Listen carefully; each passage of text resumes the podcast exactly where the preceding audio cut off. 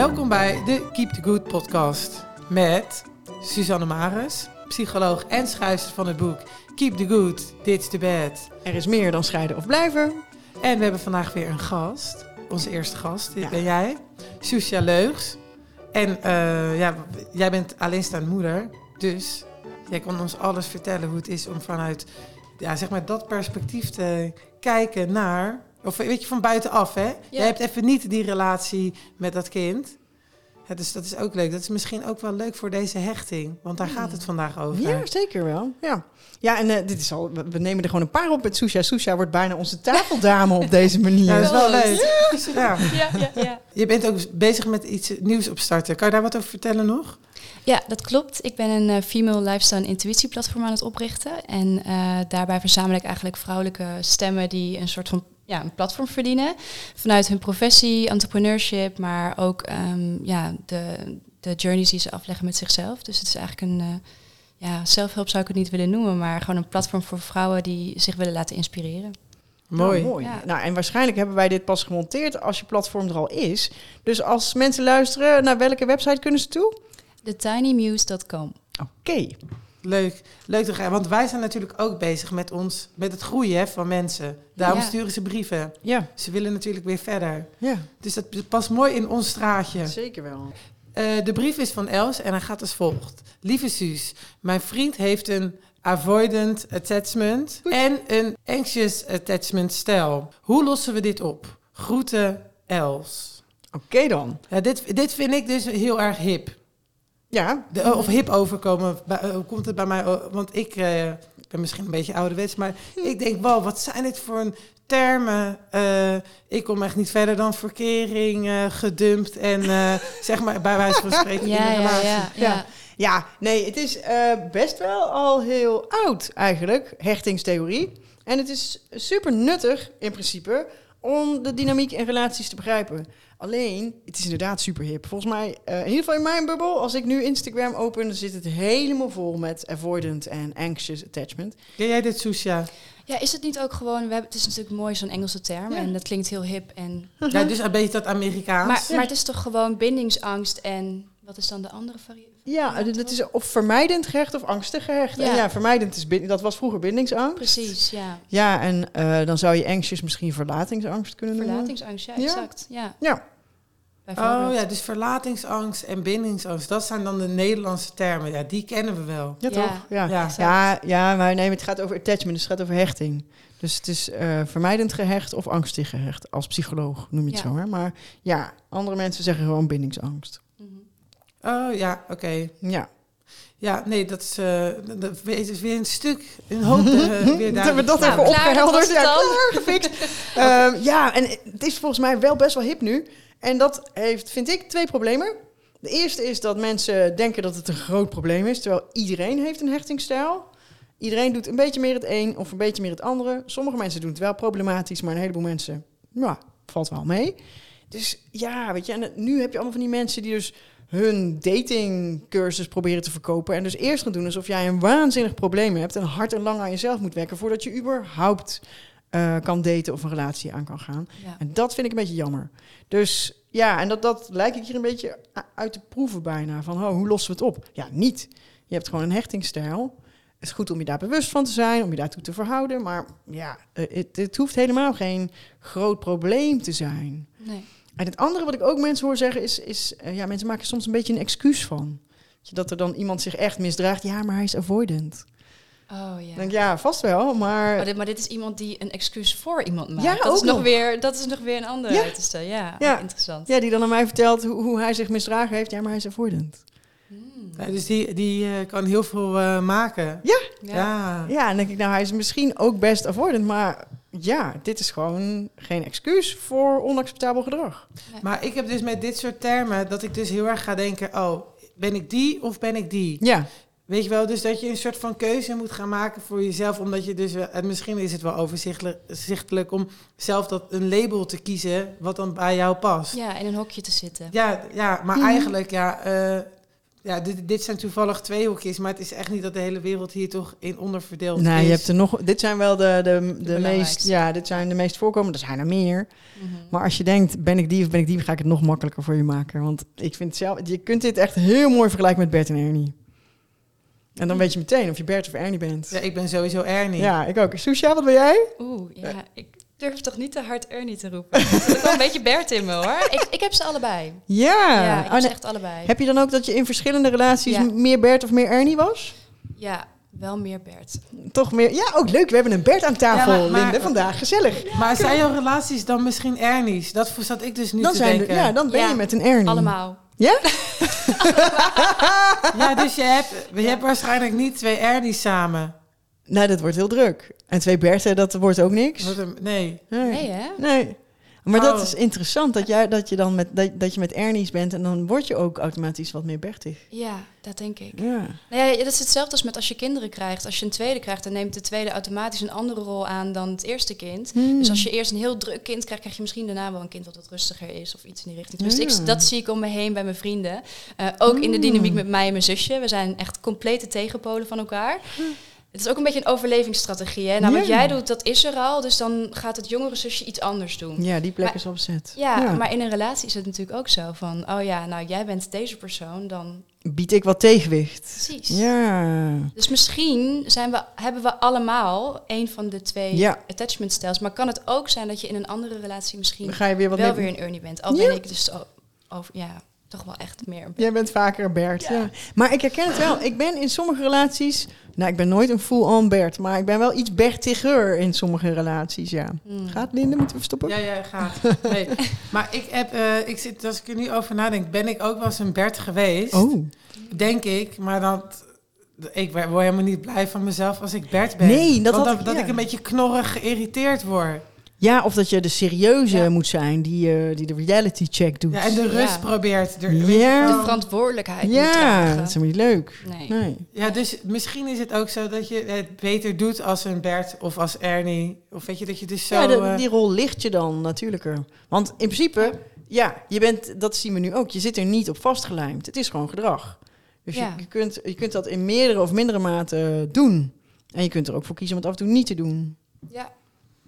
Maar hoe ehm, moet... ehm, even om eh, weer terug Ja, te gaan laten naar we weer eens terug naar die brief. Hoe, hoe, hoe moet Els hiermee omgaan? Als, want ze, ze zegt ja, dus dat ze verschillend zijn. Hoe Ja. lossen we dit op? Ja, nou, laten we daarmee beginnen. Dit los je niet op. Nee, dus Nee. Dat, dat is het eigenlijk al. Maar je kunt er wel voor zorgen dat, het je, dat je er meer of minder in klem zit. Want er zijn mensen die dit dus dit patroon steeds dieper gaan uitslijpen. En Mm. eh, dan kan het wel problematisch worden. Ja. En eigenlijk willen Bert en Ernie hetzelfde. Ja. Bert en Ernie willen allebei eh, een relatie waar ze op kunnen vertrouwen. eh, willen zich eh, goed voelen bij de ander, willen erop kunnen rekenen. Willen zich gezien en gehoord voelen. Alleen als we even teruggaan naar, het ontwikkelen, naar hoe die hechtingstijl zich ontwikkeld heeft. Bert, eh, nou ja, dat is wel leuk dat we een Bert aan tafel hebben. Ik ben benieuwd of je dit een beetje herkent. Maar ehm, ja, in de meeste, de meeste psychologen hebben wel een theorie die hierop lijkt. En sommige mensen noemen het fusers en isolators. En anderen noemen het weer anders. Maar Mhm. het beetje gangbare verhaal vanuit de systeempsychologie is dat Bert als kind in een gezin was waar het heel druk was. Waardoor hij minder ruimte had voor zichzelf. En waardoor er ook vaak over grenzen gegaan werd. Waardoor Bert heeft geleerd om mijzelf te beschermen, sluit ik me een beetje af. Mhm. Is dat iets waarvan je denkt, ja, dat zou wel eens kunnen? Ja, zeker. Ja, toch wel? Ja, absoluut. Ja. Ja. Ja, nou, wat grappig. dat Ja, ja als, je hebt het over waar, waarin er minder ruimte was voor, voor jou als kind. Mhm. En dat was letterlijk en fysiek ook echt wat er aan de, aan de hand was. Mijn vader had zoveel ehm, verzamelingen in huis. En het was echt een soort van een beetje een obsessie met, met hele mooie spullen, antiek wat ik al vertelde. Ehm, maar ik moest echt eerst een antieke instrument van de bank halen voordat ik op, van, van school op de bank kon gaan zitten. Oh, zeg maar. wauw. En zijn werkplaats was de, was de eettafel. Dus het is, ja, je, je, je gaat echt een beetje... Het was gewoon letterlijk ruimte bij Het jou. was letterlijk ruimte, ja. Ja. ja. echt heel letterlijk. Ja? Ja. Oh, wat mooi. Dus dat is op zich een interessante. Ja. Maar het idee bij Ernie is, dat is iemand die vroeger juist wat meer verbinding had gewild. En wat meer eh, eh, gezien en gehoord. En die dus gewend is geraakt om heel proactief... Ik denk omdat jij Bert beschreef hoe Ja. hij als kind was, Ja, zat ik te denken, ja, dan heb je dus die, dus alsof het dus alsof je daar dus de grond legt of je een Bert of Ernie wordt. Maar dat, dat is denk ik Nee. dus niet zo. Nou, het, het is een wisselwerking. Vanuit je persoonlijkheid Ja. kies je een strategie om om te gaan met, je, met, met wat er lastig is in je leven. Ja. En voor de een is dat overschreeuwen en voor de ander is dat eh, ruimte voor jezelf creëren. Ja, Ja. maar het is ook niet één en alleen maar hetzelfde. Want als ik nu even kijk naar de dynamiek, is het ook aan de ene kant naar mijn ouders toe nam ik die Bertrol aan. Mhm. en, maar naar de, de dynamiek tussen mij en mijn zusje was ik weer meer die Ernie. Was jij de Ernie? dus het is ook een soort van, Ja. het zit er allemaal wel in. Ehm, maar het is leuk om te zien waar het vandaan komt. Ja, En, eh, ja. Nou, en het kan je zo helpen om, je, om er op een lichte manier bewust van te worden. Eh, En niet die hele zware, bijna psychiatrische diagnoses, avoidant attachment. En, ja, ja, maar dat je gewoon denkt, oké, ja, dat is, eh, dat is net iets meer een Bert en ik ben net iets meer een Ernie. Ja, inderdaad. Ja, Ja, maar dat is misschien gewoon een betere term. Die moeten ze gewoon overnemen om het luchtig te houden. Ja. Bert en Ernie, ja. ik heb hem niet zelf verzonnen hoor. ze. Ja, maar, Nee, ik, vind, ik, vind het, eh, ik ga Nee. hem onthouden in ieder geval. Van Aaf is hij toch? ja, volgens mij heb ik hem Eh. ooit gelezen bij Aaf Brand Korstjes in een stukje in de NRC of zo. En toen dacht ik meteen, ja. En als je dus om je heen kijkt, ben je hele familie. Bert, Ernie, Ja. Bert. Je ziet het overal. Oh, dat hadden we voor de kerst moeten doen. dan, dan iedereen gaan analyseren aan tafel. Leuk. Ja, en nou ja, goed. Els vraagt hoe lossen we dit op? Nou, niet. Maar ik heb wel tips natuurlijk. Ehm, dus ehm, ja, als je nou denkt, oh ja, ik ben wel een beetje Ernie. Ehm, het begint natuurlijk allemaal ook met bewustzijn. Want je hebt momenten dat je lekkerder in je vel zit, dan ben je wat evenwichtiger. Dan ben je niet een full-blown Ernie of Bert. Dan ben je wat flexibeler in je gedrag. Maar als je dan merkt van, oh, ik ga nu echt Ernie all out. Dan is het ook goed om even een kopje thee te pakken. Even je aantekeningboek en te gaan zitten en te denken wat gebeurt hier nu? Waarom ben ik nu echt totaal Ernie? En wat voel ik? Wat denk ik? Welk verhaal vertel ik mijzelf? En dat is, kan een verhaal zijn als, ja, als ik het niet doe, dan valt het helemaal uit elkaar. Eh, of dan gebeurt er hier nooit iets leuks. Of wat dan ook. Dus dat is goed om eens bij jezelf te kijken. Want dat je gewoon die bewustwording van wanneer ga ik nou heel hard Ernieën? Dat is stap één. Ja, en één dingetje dat je kan doen met je Bert. Geef Bert even de ruimte. Geef Bert gewoon de ruimte om even zijn ding te doen, tot zichzelf te komen. En ook om initiatief te nemen naar jou. Want Ernie's zijn vaak boos op Berten, dat Berten geen initiatief nemen. Maar daar hebben ze gewoon ook even de ruimte voor nodig, voordat ze dat gaan doen. Soesja knikt ja. Soesja, wat denk je als je me dit hoort zeggen? Nee, ja, ik, ik vind het eigenlijk... eh, ik, ik, ik ben overwegend Bert, maar ik, ik, ik zie ook wel echt een Ernie in mezelf. Dus het is Mhm. wat, nog steeds wel een beetje hetzelfde.